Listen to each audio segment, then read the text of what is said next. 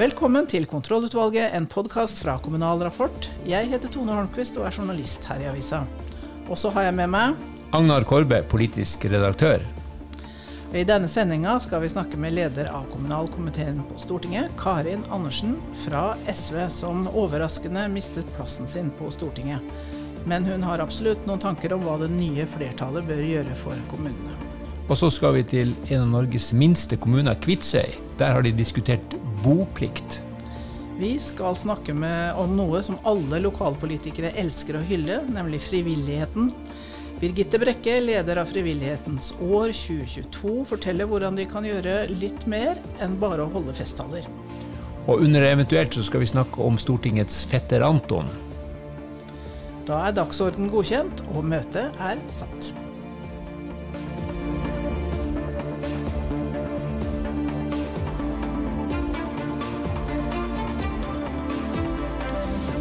Velkommen til oss, eh, Karin Andersen, fremdeles eh, leder i kommunalkomiteen. Men eh, du hadde litt uflaks ved årets valg. Hva var som skjedde egentlig? Nei, denne gangen ble det stang ut. Ja. på tross av at vi gikk fram, også i Hedmark, og Arbeiderpartiet gikk tilbake, så tok de det siste mandatet. Så nå er det altså slutt på min litt lange liv på Stortinget, og det føles eh, litt rart og vemodig. Det er klart. Hvor mange perioder ble det? Det ble seks perioder som fast representant, og så har jeg vært inne som vararepresentant første gangen høsten 1989. Så det begynner jo å ligne på et liv, liksom, dette her. Og det har vært veldig interessant òg. Og så var det lokalpolitikk og fylkespolitikk før det? Ja, jeg i, var innvalgt i kommunestyret i Kongsvinger i fire perioder. Og så fylkestinget i Hedmark i to perioder. Og da siste perioden var jeg eh, på 90 da, som fylkesvaraordfører. Så jeg var jo heltidspolitiker før jeg kom inn på Stortinget òg. Så det har vært liksom Det har vært en livsstil, dette her, hele mitt voksne liv. Og den livsstilen er kanskje vanskelig å legge vekk, selv om du ikke blir gjenvalgt. Skal du tilbake til lokalpolitikken? Jeg skal i hvert fall delta i partiet. For det, altså de fleste som deltar i den offentlige debatten, sitter jo verken i kommunestyret eller i Stortinget. Og det er jeg veldig glad for, for det er liksom det som er demokratiet òg i Norge. Det er en store frivillig sektor. Det er mulig å delta i samfunnsdebatten og påvirke det òg. Og nå har du jo du har jo de tradisjonelle på en måte, måten å organisere det på, eh, med organisasjoner eller demonstrasjoner og sånn, men nå har du jo òg sosiale medier, som faktisk er en arena som kan flytte på politikk. Så det er jo mange muligheter framover, så jeg ser jo ikke mørkt på det. Eh, men engasjementet ditt har jo ofte vært for folk som strever. og Hva tenker du kommunene kan eh, gjøre for dem? Jeg har tenkt mange ganger at, eh, og det opplevde jeg jo sjøl når jeg satt i kommunestyret òg, at vi fikk jo egentlig til vite åssen eh, kommunene dreiv sosialpolitikk, åssen de fulgte opp familier som har det vanskelig. Eh, at uh, unger som trenger uh, spesialundervisning, fikk det, eller åssen barnevernet fungerte. Det vil si at når jeg, når jeg, begynte, så var det jo politikere som satt i noen av disse nemndene òg. Da fikk jo dem litt innsyn. Men liksom litt sånn kom, Jeg ser jo nå at det kommer sånne skandalesaker i avisa, og så si, sitter lokalpolitikerne og sier Oi, dette visste vi ikke. Mm. Så det derre og og at, at, man får greie på hvordan det faktisk funker i praksis. For nå blir det liksom Det blir budsjettbalanse og liksom tall og, og uansett, og du spør om enten i kommune eller fylke eller i staten og sykehuset av den fordelen, så får du jo beskjed om at det er forsvarlig. Det får jo det får jeg, det får jeg som svar på Stortinget, og det tror jeg lokalpolitikerne får òg. Det er virkelig av de tinga jeg tenker mye på, åssen vi skal få til de systemene, sånn at folk faktisk får vite åssen det står til for dem som virkelig trenger velferden og kommune og kommunene aller mest. For kommunene er jo liksom det, det, det viktigste sikkerhetsnettet. Bortsett fra familie, men det er ikke alle som har det. Har kommunene blitt eh, mye bedre i løpet av de over 30 årene som du har fulgt lokalforvaltninga og kommunesektoren tett? Altså På mange områder tror jeg det. Altså Jeg er ikke nostalgiker av legning. Jeg ser framover. Og, Og, og, veldig mye har blitt bedre, men jeg tror nok at den måten å, å, drive ledelse og styring på, altså det som på fint heter New Public Management, det har sniket seg inn i altfor stor grad òg i offentlig sektor, og gjør at liksom det, Politikerne får ikke greie på sannheten. og og de ansatte òg opplever jeg blir reddere og reddere for å si fra når ting ikke er som det skal. Og hvis de sier fra, så blir det stoppa i systemet. Og så kommer det opp til oss politikere, enten det er i kommune, fylke eller i staten, som sånne Du må ikke si det til noen, men jeg må fortelle deg dette. Og det er systemer som bygger opp mistillit. Og som vi òg ser, eller som det er mange velutdanna mennesker, og så driver de på en stund, og så slutter de. Fordi at de får på en måte De må øve vold på faget sitt for ofte. Men har dette blitt verre, syns du, de siste årene? Ja, vi lever jo i et altså, samfunn hvor vi ja. tenker at vi kan si mer og Ja, vi tror det, men dette tror jeg har blitt verre. Og det, ja, altså jeg har jo jobba i barnehage sjøl. Jeg har vært kommuneansatt i 17 år. Jeg. Eh, så jeg veit åssen det er å gå hjem igjen hver eneste dag og vite at du ikke strakk til, og få vondt både i huet og kropp liksom, av det. Men jeg opplevde nok at det var mer lov å si fra offentlig da. Eh, og si liksom fra ikke, det er ikke nok folk her. Så ja, jeg tror at den styringa i som både kommunesektoren og, og, staten har lagt seg til,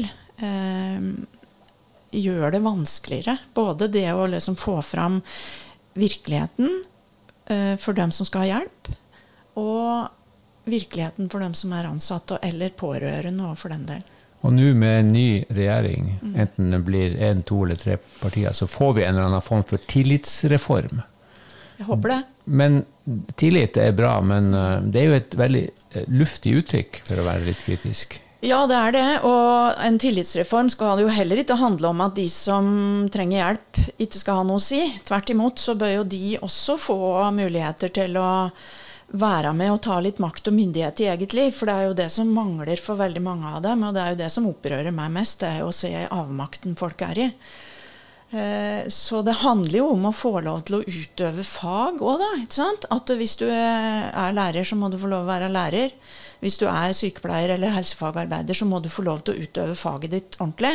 Og når du ikke får tid til å utøve faget ditt ordentlig, så må du si fra, og så må noen høre på deg, og så må det bli kjent. Så er det jo ikke sånn at det vil løse alt, for det, pengesekken kommer jo til å være alltid trenges mer. Men men jeg tenker at vi som er politikere, og de som er administrative ledere også, må tåle at sannheten kommer fram. Og så får vi si dette fikk vi til, dette fikk vi ikke til. Og så får man ta politisk og administrativt ledelsesansvar for det som ikke strekker til. Nå skyves på en måte det ansvaret nedover. Og jeg kan eh, Jeg har hatt veldig mange eksempler på at Ja, altså det kom jo nå rapporter f.eks. om at uh, man bruker beroligende og sovemedisiner altfor mye i omsorgen. ikke sant? I stedet for man har ikke tid til å hjelpe folk. Jeg har møtt sykepleiere i denne valgkampen som har grått fordi de har altfor stort ansvar og veit at de ikke rekker over. Og veit at folk ligger og er redde og ensomme, og, og at det kan gå galt. Mm. Det er dette som kalles samtidighetskonflikter, der du egentlig skulle vært på tre steder, men kan bare være på én. Har vi, for, har vi for store ambisjoner da, for velferdskommunen? For Nei, det syns jeg ikke. Men vi har for små ambisjoner på fordeling. Og at vi skal bruke penga på det som er viktig i livet, og det som gjør at enda flere kan ha gode liv og klare seg. Eh, både hvis du rammes av sykdom eller du blir gammel og skrøpelig, eller hvis du havner i en vanskelig livssituasjon. For det jeg ønsker meg, er jo at kommunene skal ha rom og mulighet til å drive godt sosialt arbeid òg, for det nytter. Altså, folk kommer på beina. Veldig mange kommer på beina hvis du veit at du har penger til mat i kjøleskapet og betaler strømregninga og kan liksom få huet over vannet, i stedet for å bli sendt til Nav og ta kjentmannsprøven i byråkrati. Som om det skulle være det viktigste å lære seg i verden. Liksom. At du skjønner Nav og veit hvilke knapper du skal trykke på der. Det gjelder jo at du kan liksom få folk til å finne noe som de kan bygge videre på. Og, og så må Nav og, og statens side eh, ha lengre løp som folk, unnskyld, som folk kan kvalifisere seg til, en til en, eh, et eller annet som en arbeidsgiver trenger. For det arbeidslivet nå, det er veldig annerledes enn det det var for 20-30 år siden. Og da kan vi ikke tro at folk får jobb når de ikke har en kompetanse noen trenger. Samtidig så har jo de offentlige budsjettene økt. Du har jo vært med i regjeringspartiet SV i åtte år. Nå har dere sittet i opposisjon i åtte år. og, og Pengemengden eh, øker også i kommunene. Det må jo være legitimt å si vi må ha en viss kontroll på hvordan disse pengene blir brukt. Vi må jo kunne stille noen krav til eh, ut fra noen mål som vi har. Ja, men vi må jo måle ting som er viktig å måle, da. Altså Nå er det liksom penger som måles, og, og noen sånne effektivitetsmål som som eh, sier litt lite om den kvaliteten som kommer ut. Og der er jeg veldig opptatt av at vi må spørre innbyggere og dem som trenger tjenester òg, om det faktisk funker. Jeg kan jo gi ett eksempel som kommunen er pålagt å gjøre, noe som heter IPLOS. Jeg vet ikke om folk kjenner til det. Det er jo en sånn langt skjema med spørsmål om eh, pleie både hjemme og i omsorgen ellers. Men veldig mye av det er jo helt bortkasta. Jeg tenker mye av de her rapporteringene blir jo liggende i en bunke. Så vi må liksom Og så må vi se, da, når vi liksom får viktige meldinger om noe som ikke fungerer, så må man ta tak i det. Og så forsøke å sluke vekk det som ikke er viktig. Og så sette av ressurser til det som er viktig. Og det er helt riktig det, at det er veldig mye penger i, i kommunene nå. Det er mye penger i det offentlige. Det er mye penger i det hele tatt i Norge. Men de er kanskje ikke helt men, godt fordelt etter din mening? De må fordeles på en bedre måte. Vi må rett og slett flytte penger fra de som har for mye og mye, til som, de som har for lite, og til den velferden og omsorgen som eh, det trengs mer av på, på, tampen, du, SV kan jo hende de nærmer seg regjeringskontorene, vi vet ikke helt akkurat mens vi spiller inn dette. Men det er ikke sikkert at du blir den neste kommunalministeren. Det kan hende du har kompetanse og innsikt, eller du, kanskje du får eh, beskjed om eh, å gi noen gode råd til vedkommende som blir det. Hva er det viktigste du ville tatt tak i hvis du hadde muligheten enten til å komme i den stolen eller gi noen eh, gode råd? Nei, det er jo å øke kommuneøkonomien kraftig forsøke å gjennomføre en tillitsreform, altså også fjerne mye unødvendige kontroller som ingen egentlig bryr seg om. Og så øke ordningen som er til særlig ressurskrevende tjenester. Den er for dårlig nå, og den sparker beina unna omsorg for andre i kommunesektoren. Fordi det så, blir så store utgifter, og der kan staten bidra mye mer. Da tror jeg vi runder av her og sier tusen takk til eh, Karin Andersen. Og kanskje, kanskje, vi ses igjen som eh, enten i regjering eller et eller annet sånt. Tusen takk.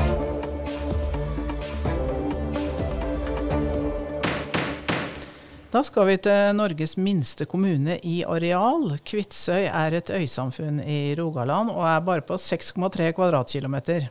Men det er ikke så mye folk der heller. Litt over 500 innbyggere. Og ved valget nå så hadde dere folkeavstemning om boplikt. Eh, ordfører Stian Gill Bjørsvik, kan du si litt om eh, bakgrunnen for det? Ja, bakgrunnen for det er at uh, Kvitsøy har jo hatt uh, boplikt nå i flere tiår. Og uh, det har vært en, en jevn diskusjon rundt hvorvidt denne boplikten fungerer etter hensikten. Eh, og så har det vært opp, eh, viktig særlig for eh, Fremskrittspartiet å, å, kartlegge folkemeningen. Eh, så det var noe som eh, min gruppe da også ble med på i forhandlingene etter valget. Så Derfor ble det vedtatt at det skulle gjennomføre en, en sånn rådgivende folkeavstemning i forbindelse med stortingsvalget. Og Din gruppe det er da KrF og Friborgerlige? Ja. KrF og Friborgerlige, ja. ja nettopp. Er, er denne boplikta omstridt? Eh, altså, det er jo en inngripen i, i eiendomsretten. Så det er klart eh, enkeltmennesker vil jo oppleve at dette begrenser den enkeltes mulighet til å gjøre det en ønsker med egen, eh, egen bolig. Eh, men vi, vi, er flere som har tenkt at den har eh, god støtte i befolkningen. og Det ble også resultatet i, i, i avstemningen. Ja, for resultatet ble over 60% som sa at de vil beholde boplikten? Ja, over to tredjedeler ønsker å beholde boplikta. Mm. Kan du si litt om bosettinga på Kvitsøy? Etter hva jeg skjønner så er det litt plassmangel hos dere? Ja, ikke plassmangel sånn sett. Vi har, flere, vi har, plass til flere innbyggere. Men det er klart at vi er en liten kommune, så det er press på areal. Vi har en del eh, jordbruksareal som vi ønsker å opprettholde. Så, så det er klart at eh, for hver bolig som går fra helårsbruk til fritidsboligbruk, så, så, må det bygges nye hus for å opprettholde befolkningen. Og dette er, en, ja, dette er jo en situasjon som flere distriktskommuner opplever, at det kan bli litt mange feriegjester og litt for få fastboende? Ja, vi vi er, veldig glad i alle de som ønsker å være en del av uh, vårt uh, lille samfunn. Og så er det slik at det 30 av uh, at bolighusene på Kvitsøy de blir brukt som fritidsboliger. Og Da kommer jo hytter og uh, slikt utenom. Har dere håp om å få opp folketallet? Ja, Vi ønsker å, å få opp folketallet. Og har jo opplevd en fin vekst nå i, i 2021. Så dette handler jo òg om at de boligene som kommer ut på markedet, at Eh, særlig, særlig, boliger som ligger langs sjøen, er veldig, veldig rift om. Og, og, vi ønsker jo at de, de få boligene som eh, kommer ut, at det skal være mulig for, eh, for, unge å kjøpe som ønsker å bosette seg, og som ikke da er på jakt etter en, en, en fritidsbolig. Hva er folketallet hos dere nå? Det er på 500 og Det er 500 og rett under 530. Rett under 500, ja.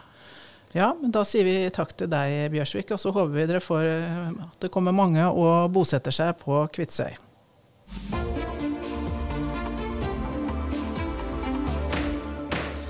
Og da skal vi til noe som eh, alle ordførere elsker, nemlig gratis arbeidskraft. Gratis arbeidskraft? Nei, nå må du gi deg, Tone. Frivillighet er ikke gratis arbeidskraft. Frivilligheten er viktig, den, men den lever av lyst, og så dør den av tvang. Stemmer ikke det, Birgitte Brekke? Du er prosjektleder for Frivillighetens år 2022. Det stemmer så absolutt. I eh, Frivillighetens år så er vi faktisk veldig opptatt av å uh, sette en stor rød strek under at frivillighet det handler først og fremst om samfunnsdeltakelse og demokratideltakelse. Å være frivillig det handler om å være med å skape det nærmiljøet uh, og det landet vårt Eh, sånn som du mener at det, at det bør, eh, bør, være. Så frivillighet handler ikke om veldedighet, og det handler ikke om gratisarbeid, men om deltakelse. Da har vi det avklart. Det er bra. Men, Hvor, hvorfor hvorfor trenger vi et sånt år nå? Frivillighetens år? Fordi, rett og slett fordi at vi har aldri markert et frivillighetens år i, i Norge før. Og frivilligheten er kanskje Norges best bevarte, bevarte hemmelighet. Eh, det er ti millioner mennesker i Norge som er medlem i en frivillig organisasjon. Og det er 66% av oss som er med og gjør frivillig innsats. Og hvis vi ikke får en større bevissthet om det, så risikerer vi at vi kan miste det.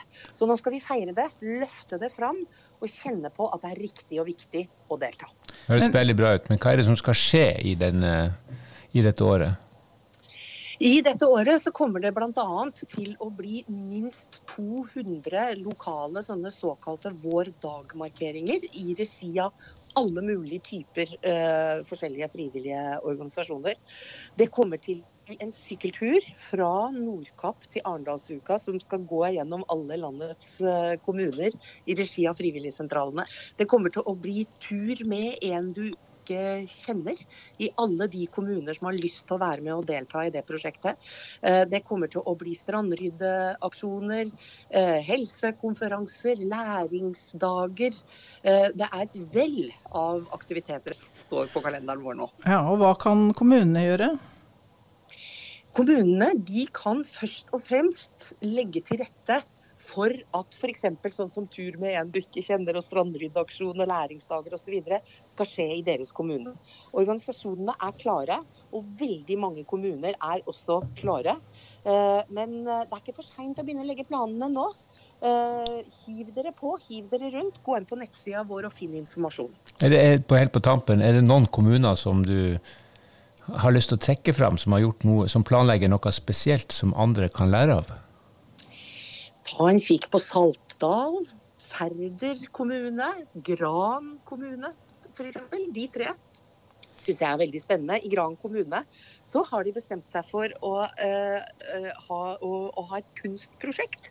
En kunstner som skal kommentere på frivilligheten. Han er i, i full gang og samarbeider med Bygdekvinnene og Sanitetskvinnene og veldig mange andre organisasjoner på, på Gran om et uh, prosjekt som de kaller for Echo Swing. Uh, og i, i Saltdal så er det Frivilligsentralen og noe, en sånn festival de har om, om vinteren som heter Frostfestivalen eller sånt i, eh, i februar. Eh, som kommer til å være en kjempemarkering av, eh, av frivillighetens år.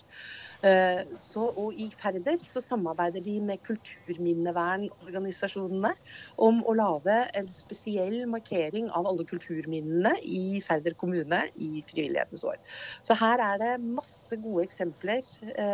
Bare å hive seg rundt og hive seg på. Kjempefint. Tusen takk til deg, Birgitte Brekke.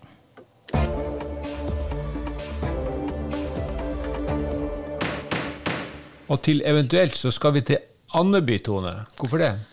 Ja, eh, til Andeby, stortingsvalget og regionreformen. Jeg får høre hva du har ja, tenkt altså, på. Fetter Anton i Andeby er jo fetteren til Donald Duck. Og han er kjent for å ha så utrolig flaks, faktisk så mye flaks at han ikke trenger å jobbe. Eh, det bare ordner seg for denne fetteren. Og nå har eh, norsk politikk fått sin heldige fetter. Hvem vil du snakke om da? Det er Venstres André Skjelstad fra Nord-Trøndelag.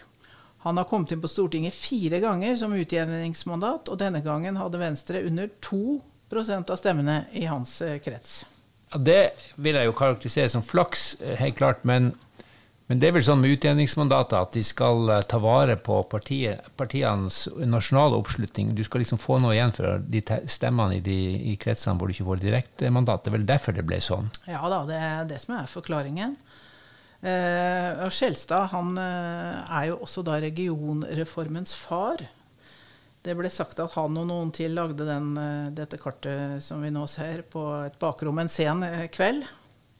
Ja, det er noen som sier at man ikke vil vite hvordan politikk og pølse blir laga. Men det er jo dobbelt flaks for en utskjelt reform at, at faren kommer inn på Stortinget. Ja. Eh, politisk makkverk er et begrep som er blitt brukt om regionreformen blant eh, motstanderne, mens varme tilhengere av reformen eh, det er vanskelig å finne, syns jeg. Er ikke han Skjelstad en tilhenger, og forsvarer altså, ikke han reformen? Jo, jeg har hørt han forsvare barnet sitt sånn halvhjerta da, på, sist nå på Arendalsuka, men vi får se om regionreformen har like mye flaks som Skjelstad. Jeg tror ikke den overlever fire perioder i, i sin nåværende form. Det er jeg ganske sikker på. Nei, det spørs det. Men eh, Skjelstad han eh, vandrer uskadd videre, akkurat som fetter Anton. Ok, men vi får høre, håpe at han gjør en innsats for fylker og regioner i, i, neste periode. Det får vi håpe. Da hever vi møtet her, og så må vi jo gratulere fetter Skjelstad da, med en eh, fjerde periode på Stortinget. Det gjør vi. Dette programmet ble ledet av eh, Tone Holmquist og Agnar Korbe. Vi styrer teknikken sjøl. Vi høres neste uke, og inntil da, meld deg på våre nyhetsbrev fra på.